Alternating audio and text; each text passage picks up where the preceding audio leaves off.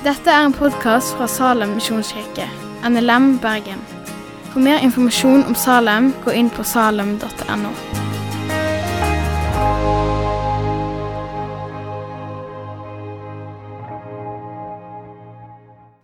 Når det er jul, så er det mange som har litt forskjellig type forhold til jul.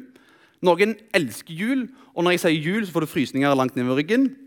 Og Kanskje du var med i en komité og arrangerte julebord, og sånne ting, og du bare elsker jul. Advent, det er lysestaker, det er klementiner eller er det mandariner. jeg vet ikke helt. Eller er det julekaker eller er det julebord? Det er så masse. Eller kanskje er du den personen som syns at det er greit å ha liksom sommer, høst og jul. Julen trenger ikke liksom bare å avbegynne i slutten av sensommeren. Det kan godt liksom være litt avstand der. Så når julekakene kommer ut i butikkene i september, så er det litt sånn tidlig. Eller kanskje er du som meg, som er midt imellom. Som er, det er fint med jul, og alt det der, og, eh, men 1. desember da, da begynner det for skikkelig. Eh, hvis Birgitte hadde spurt meg hva farge skal vi ha i gangen, og du spurt meg om vi skulle ha svart eller hvit, så har jeg ikke noe annet valg eller jeg må, jeg må si grå. Jeg klarer liksom ikke å være enten-eller. Og når Mathias spurte meg i fjor liker du ribba eller liker du pinnekjøtt, så må jeg si begge deler. Jeg klarer liksom ikke å trø folk for føttene. Og Kanskje er det sånn med jul også, at du har et sånn, litt sånn forskjellig forhold til jul. Og hvis du er litt sånn care, du er litt sånn ah, jul, det er fint, det er ferie, og det er røde dager i ferien, så vil jeg si til deg kanskje du skal skru opp forventningene dine litt til hva julen handler om. Eller til deg som elsker jul, men kanskje det blir litt mye adventskaker og litt for mye kos og dull. Kanskje du skal skru ned forventningene bitte litt. For jeg tror, jeg tror faktisk at våre forventninger til jul er med å, sette et lite dekke på hva julens budskap egentlig handler om. For hva er det som lurer seg under pakkene under juletreet? Hva er det som lurer seg under julematen? Og under julegudstjenesten, hva er det som lurer seg? Jo, der er det en person, Jesus Kristus, som lurer seg under alt det her innpakket som vi mennesker har funnet på, og som er fint og bra. Men hvis det blir for mye, så kanskje vi mister det. Så hvis vi skrur ned forventningene eller opp forventningene, kanskje vi kan avduke hva julens budskap egentlig handler om. Det er det den talen skal handle om i dag. Om Jesus. Og denne juleteksten eh, for i kveld er kanskje ikke den mest eh, standardiserte juleteksten. Og jeg vet egentlig ikke om det er juletekst, men det har iallfall et julebudskap. Så det vil vi definere det som en juletekst. Jeg og Britte satt og leste Bibelen en morgen. Og av og til så leser jeg Bibelen, og så leser jeg gjennom det jeg skal lese. Og så går jeg på Universen og så trykker jeg av, og så check. Og så går jeg til mitt vante arbeid, og så er det ingenting som jeg tar med meg. Andre dager så er det som Gud bare løfter seg ut av teksten, og så viser han seg noe om seg sjøl, og noe om meg. Og Den morgenen i oktober eller september så fikk Gud vist til meg fire nye sider ved Gud som fikk lov til å bli nytt for meg. Så i kveld så skal jeg litt sånn takknemlig og ha glede meg. egentlig, fordi i kveld skal jeg få lov til å vitne om det som jeg har sett og hørt. Ikke skal måtte komme fram med noe, men bare si det som jeg har sett og hørt. Teksten vår er fra 2. Mosebok kapittel 2 og 3. Men før vi leser teksten, så vil jeg bare gi en kort liten sånn oppsummering av historien der vårt tekst står i. Mennesket har blitt skapt. De falt i synd. De ble kasta ut av Edens hage, og ondskapen bare økte og økte på jorda. Så kom syndefloden som Gud straffa menneskene med. Etterpå blir vi introdusert for Abraham. Abraham blir både eh, kalt og velsigna av Gud. Og Så får Abraham en sønn som heter Isak, og Isak får sønnen Jakob. Og Jakob får igjen en, en drøss med sønner, bl.a. Josef. Og Han blir solgt som slave til Egypt. Lang historie kort. Han blir en av måte, han blir en stor mann i Egypt og hjelper farao. Og Så blir det hungersnød i Egypt, og foreldrene og familien må komme til Egypt for å kjøpe mat. Her møtes de igjen, og det blir søt musikk. Og her blir de til sin dødsdag. Og I 1. Mosebok 50 så sier eh, Josef på sin dødsdag Nå skal jeg dø, men Gud skal se til dere og føre dere opp fra dette landet. Han lova Abraham, Isak og Jakob. Litt mye kaffe. Og Så dør Josef, og så dør måtte, hans nærmeste slekt, og de som kom til Egypt. Men israelsfolket de dør ikke. De er fruktbare, og de fyller jorden, og de blir mange, som det står om at de skulle gjøre. Og Egypterne må sette en brems på det her. Kan liksom ikke ha en, sånn en, en, egen flokk som bare vokser og tar mer og mer plass. Så de prøver å stoppe det med tvangsarbeid, slavearbeid og med mord av guttebarn. Og inn i denne konteksten så blir det født en gutt som heter Moses. Han blir lagt på Nilen, han blir funnet av faraos datter og blir tatt inn som eh, en sønn av faraos datter. Og En dag så, så, vokser han opp, og en dag så slår han en egypter i hjel fordi han mishandler en israelitt. Så vi prøver å gjemme det så godt som mulig, og at folk ikke skal se det. Men farao finner ut av det og vil ta livet av Moses. Moses han, han flykter vekk flykter til et land som heter Midian. Midians land. Og mens Moses er på flukt vekk fra farao, der kommer vår tekst inn i bildet. Og Det skal vi lese nå. Og det står i 2. Mosebok, kapittel 2, vers 23 8. i kapittel 3. Lenge etter dette døde kongen i Egypt. Israelittene sukka og klaga over slavearbeidet. Og skriket deres steig opp til Gud. Gud hørte hvordan de stønna, og Gud huska sin pakt med Abraham, Isak og Jakob. Gud så til israelittene. Gud kjente de. Moses gjette småfe til svigerfaren Jetro, presten i Midian. En gang han drev fe over den andre sida av ørkenen, kom han til Guds fjell, Horeb. Da viste Herrens engel seg for han i en flammende ild som slo opp fra en tornebusk. Han så og så. Busken sto i flammer, men den ble ikke fortært av ilden. Og Moses sa, 'Jeg vil gå bort og jeg vil se dette mektige synet.' 'For hvorfor brenner ikke tornebusken opp?' Men da Herren så at han kom bort for å se, ropte Gud til han fra tornebusken. 'Moses, Moses.' Han sa, 'Her er jeg.' Og Gud sa, 'Kom ikke nærmere. Ta skoene av føttene, for stedet du står på, er hellig grunn.' Så sa han, 'Jeg er din fars Gud, Abrahams Gud, Isaks Gud og Jakobs Gud.' Og Da skjulte Moses ansiktet, for han var redd for å se Gud. Herren sa, 'Jeg har sett mitt folks nød i Egypt.' 'Jeg har hørt skriket deres under slavedriverne.' 'Jeg kjenner deres smerte.' 'Jeg har steget ned for å fri de ut av hendene på egypterne' 'og føre de opp fra dette landet og inn i et godt og vidstrakt land.' 'Inn i et land som flyter av melk og honning.' Israelsfolket hadde nådd et bunnivå mens Moses var på flukt. Så de hadde klaga, de hadde ropt til Gud. Og hvordan er det Gud reagerer på denne klagen til Israelsfolket? Det står at Gud hørte hvordan de stønna. Gud han huska sin pakt med Abraham, Isak og Jakob. Han så til. Gud han kjente dem. Han kjente israelittene. Gud han visste alt hele veien. Alle skrik og alle roper hadde Gud hørt. Han visste om sitt folk, og han ville så gjerne gripe inn, berge dem og frelse dem fra det som de sto i.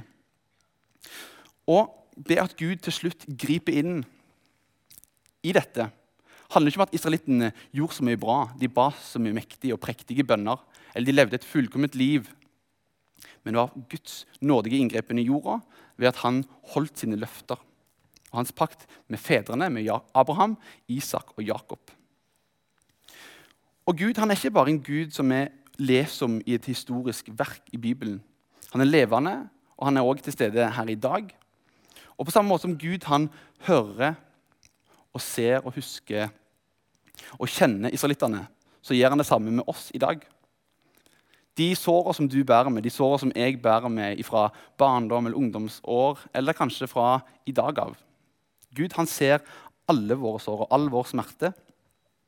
Og Gud han kjenner oss som ingen andre. Og så er det med Gud at han vet best å gripe inn. Han vet best når han skal frelse, når han skal berge sitt folk. Og Gud han ser oss fra en helt annen perspektiv, en helt annen innfallsvinkel. Og han ser det store bildet. Der vi bare ser enden på fyrstikkeren, der ser han hele fyrstikkeska. Gud han ser alt i en annen perspektiv. Og Han hadde lovt at han skulle føre israelsfolket ut av Egypt. Men nå var israelsfolket de var, de var leie. Nå ville de komme seg ut av Egypt. Men Gud han vet alltid best. I vers 7 og 8 i kapittel 3 så sier Gud noe med egne ord ut ifra busken. Jeg har sett mitt folks nød i Egypt. Jeg har hørt skriket deres under slavedriverne. Jeg kjenner deres smerte. Jeg har steget ned for å fri de ut av hendene på egypterne og føre de opp av landet og inn i et godt og vidstrakt land, inn i et land som flyter av melk og honning. Nesten identiske verb og de fire ordene som, Herren, som Gud, Herren, sier der. Men det har skjedd et skifte i teksten. Det at Gud husker, har blitt skifta til at Gud stiger ned. Er ikke det fantastisk å lese det i Guds ord at Gud han er en Gud som handler? Gud er en Gud som griper inn. Gud sitter ikke på gjerdet når vi har det vondt. Gud han vil gripe inn, han vil stige ned og redde oss. En salme som jeg syns beskriver Gud, beskriver Jesus, er salme 40. Kommer opp på teksten. Og Der sier salme David, salme 40, 2-4. Jeg venta og håpa på Herren. Han bøyde seg til meg og hørte mitt rop. Han dro meg opp av fordervelsens grav, opp av den dype gjørma og han satte mine føtter på fjell og gjorde skritt og faste. Og han la en ny sang i min munn, en lovsang til vår Gud. Hele Det gamle testamentet handler om Jesus. På mange måter en biografi om Jesus før han kom. Og så er det jo ti, I dag er det ti dager til jul. Under to uker til jul.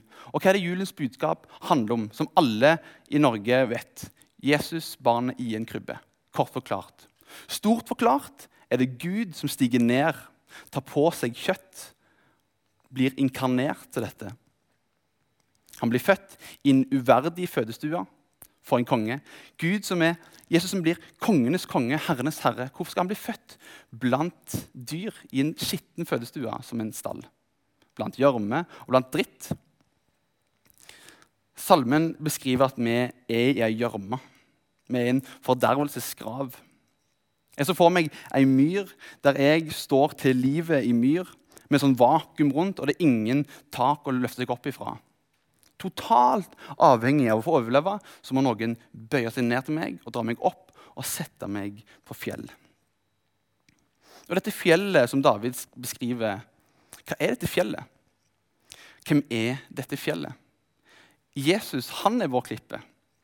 For Jesus er ikke bare han som kommer ned og blir født og måtte komme ned i vår svakhet, men han er òg fjellet hvor vi kan sette våre liv på, bygge våre liv på og leve våre liv på.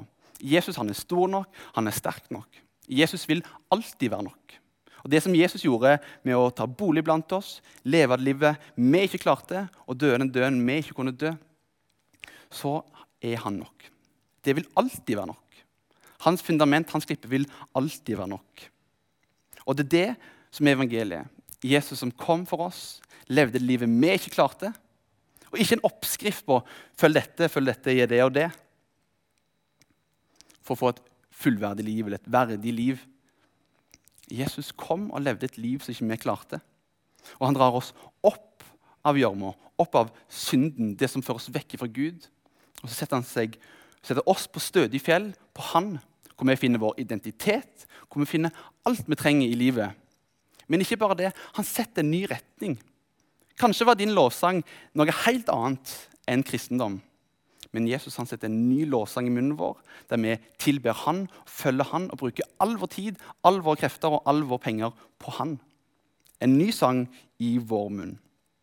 Evangeliet er de gode nyhetene om Jesus som levde et fullkomment liv for oss. Det står at for Sønnen for Jesus frigjort dere for det som dere står i. Så blir dere virkelig fri. Evangeliet setter oss totalt fri. Vi er ikke lenger slaver, men vi er sønner, vi er døtre av vår himmelske far, og vi har vår borgerrett i himmelen. En krybbe var vuggen, så venta han her. Det lille barn Jesus, vår frelser, så kjær. Men stjernene lyste helt inn der han lå det lille barnet Jesus på leie av strå. Så enkelt, så stille kom Gud til vår jord. Så høyt er jeg elska av Jesus, min bror. Han kom fra Guds himmel. Gud sjøl var han lik, men Jesus ble fattig, og jeg er blitt rik. Fra krybben til korset gikk veien for deg. Slik åpner du porten til himmelen for meg. Velsign oss, vær med oss, gi lys på vår vei, så alle kan samles i himmelen hos deg. Herre Far, takk at du kom til vår jord. Takk, Jesus, for at du ble født i en stall. Takk at du kom ned i vår drit, ned i vår gjørme, i vår fordervelsens grav, og du løfter oss opp. Vi får lov til å sette våre liv på deg, du som er stødig, du som er sterk, du som er stor nok. Takk, Jesus, at du levde livet ikke vi klarte. Takk at du døde vår død, tok vår straff. Jesus, takker deg for ditt liv, og jeg takker deg for din død. Hjelp oss nå i jula til å male det hver dag. Det er det jula handler om. Det handler ikke om pepperkaker og det handler ikke om, om koselige ting, men det handler om deg, Jesus. Takk, Jesus. Amen. Takk for at du har hørt på podkasten fra Salem, Bergen. I Salem vil vi vinne, bevare, utruste og sende. Til Guds ære. Vi ønsker å se mennesker finne fellesskap, møte Jesus og bli disippelgjort her i Bergen og i resten av verden. Vil du vite mer om oss, gå inn på salem.no.